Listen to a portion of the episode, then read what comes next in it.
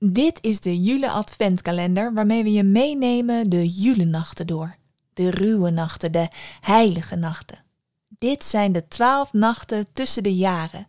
Een moment waarin alles stil mag staan. Zeer oude gebruiken van onze voorouders. Van 21 december tot 1 januari openen we iedere dag een vakje naar een sprookje, een mythe of een verhaal geïnspireerd op het thema van die dag. Vandaag op dag 3 het onderwerp diepte. Dit is 10 wijze heksen, een podcast vol sprookjes, verhalen en mythes. Vandaag vrouw Holle.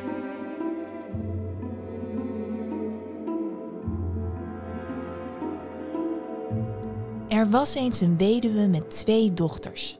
Eentje lief en aardig en eentje best wel een kreng eigenlijk. Maar de moeder zag dat anders. Die vond de lieve een beetje irritant en het kreng vond ze geweldig. Dus liet ze de lieve dochter alles in het huishouden doen en het kreng hoefde helemaal niks. Op een dag zat het lieve meisje achter het spinnenwiel toen ze haar vinger prikte aan de naald. Nou ja, gelukkig viel ze niet voor honderd jaar in slaap, dat is een ander sprookje, maar toch. Er zat allemaal bloed over de hele spoel. Ze liep naar buiten naar de put om de spoel en de naald schoon te maken, maar op dat moment liet ze het ding in de put vallen en zag hem tot haar schrik zo naar de bodem zakken. Met lode schoenen ging ze terug naar haar moeder om te vertellen wat er was gebeurd. En hoe is dat mijn probleem? riep haar moeder uit. Ja, je lost het maar op. En voor mijn part duik je die put in, als dat ding maar terugkomt.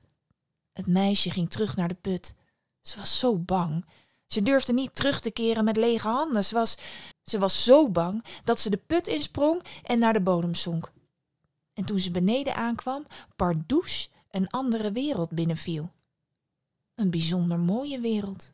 Vol bloemen, heel groen. Haal ons eruit! Haal ons eruit! Vreemd.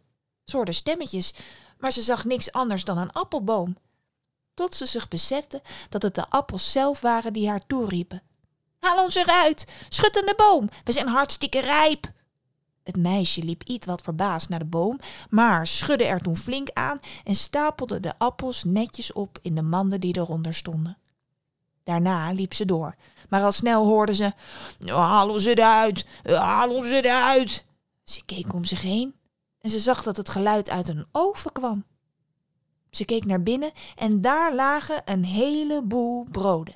Haal ons eruit, we zijn hartstikke gaar. Vlug haalde ze alle broden uit de oven en stapelde ze netjes op in de manden die naast de oven stonden. Weer liep het meisje verder tot ze aankwam bij een klein huisje waar een vriendelijke vrouw voor de deur stond. Ben je verdwaald? vroeg de vrouw. Ah, arme schat, kom binnen. Ik heb een extra bed en er is genoeg eten voor twee. Je kan hier best wel een tijdje blijven. Al zou het wel fijn zijn als je mij dan ook een beetje helpt. Hè, om, om de dekens uit te schudden, het huis schoon te houden. Maar natuurlijk, zei het meisje. En zo bleef het meisje een tijdje bij de vrouw.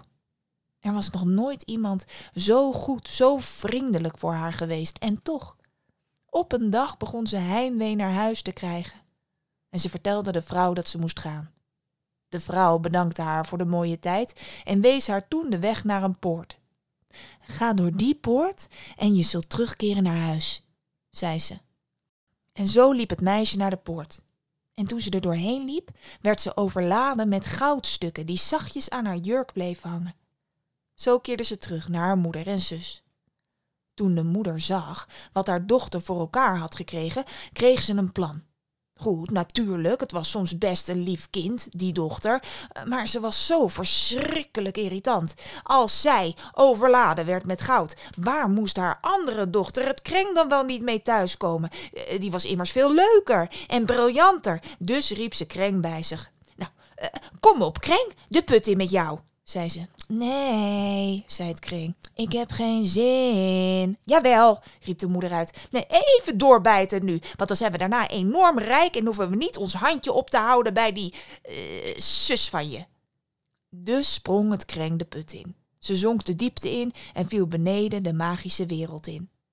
Terwijl ze nog een beetje versuft om zich heen zat te kijken, hoorde ze plots stemmetjes. Haal ons eruit, haal ons eruit. Nou ja, dacht het kring, zijn dat nou pratende appels?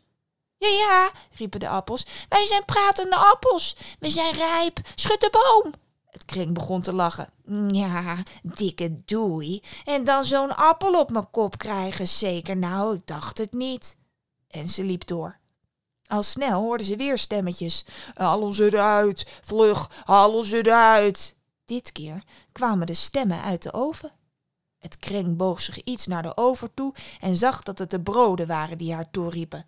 Haal ons eruit, we zijn gaar, zei het kring. En dan mijn fikken branden zeker. Ik kijk wel even goed uit. En ze liep snel verder tot ze aankwam bij het huisje met de vriendelijke vrouw. Oh, ben je verdwaald? vroeg de vrouw. Uh, kom binnen. Ja, je kan hier wel een tijdje blijven. Ik heb een extra bed, ik heb genoeg eten in huis. Het zou wel fijn zijn als je me een beetje kunt helpen met de bedden op ho, zei het kring. Sorry hoor, maar wat denk jij wel niet? Dat ik je dienstmeid ben of zo? Doe het lekker zelf. Oh, oké, zei de vrouw.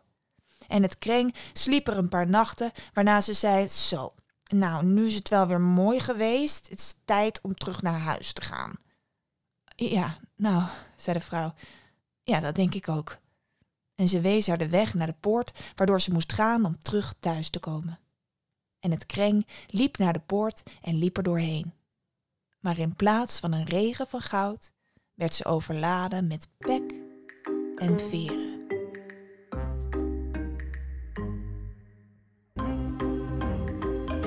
Dit was Tien Wijze Heksen, een podcast van Robin Amaranta en Thijs Joubert. Tot de volgende keer.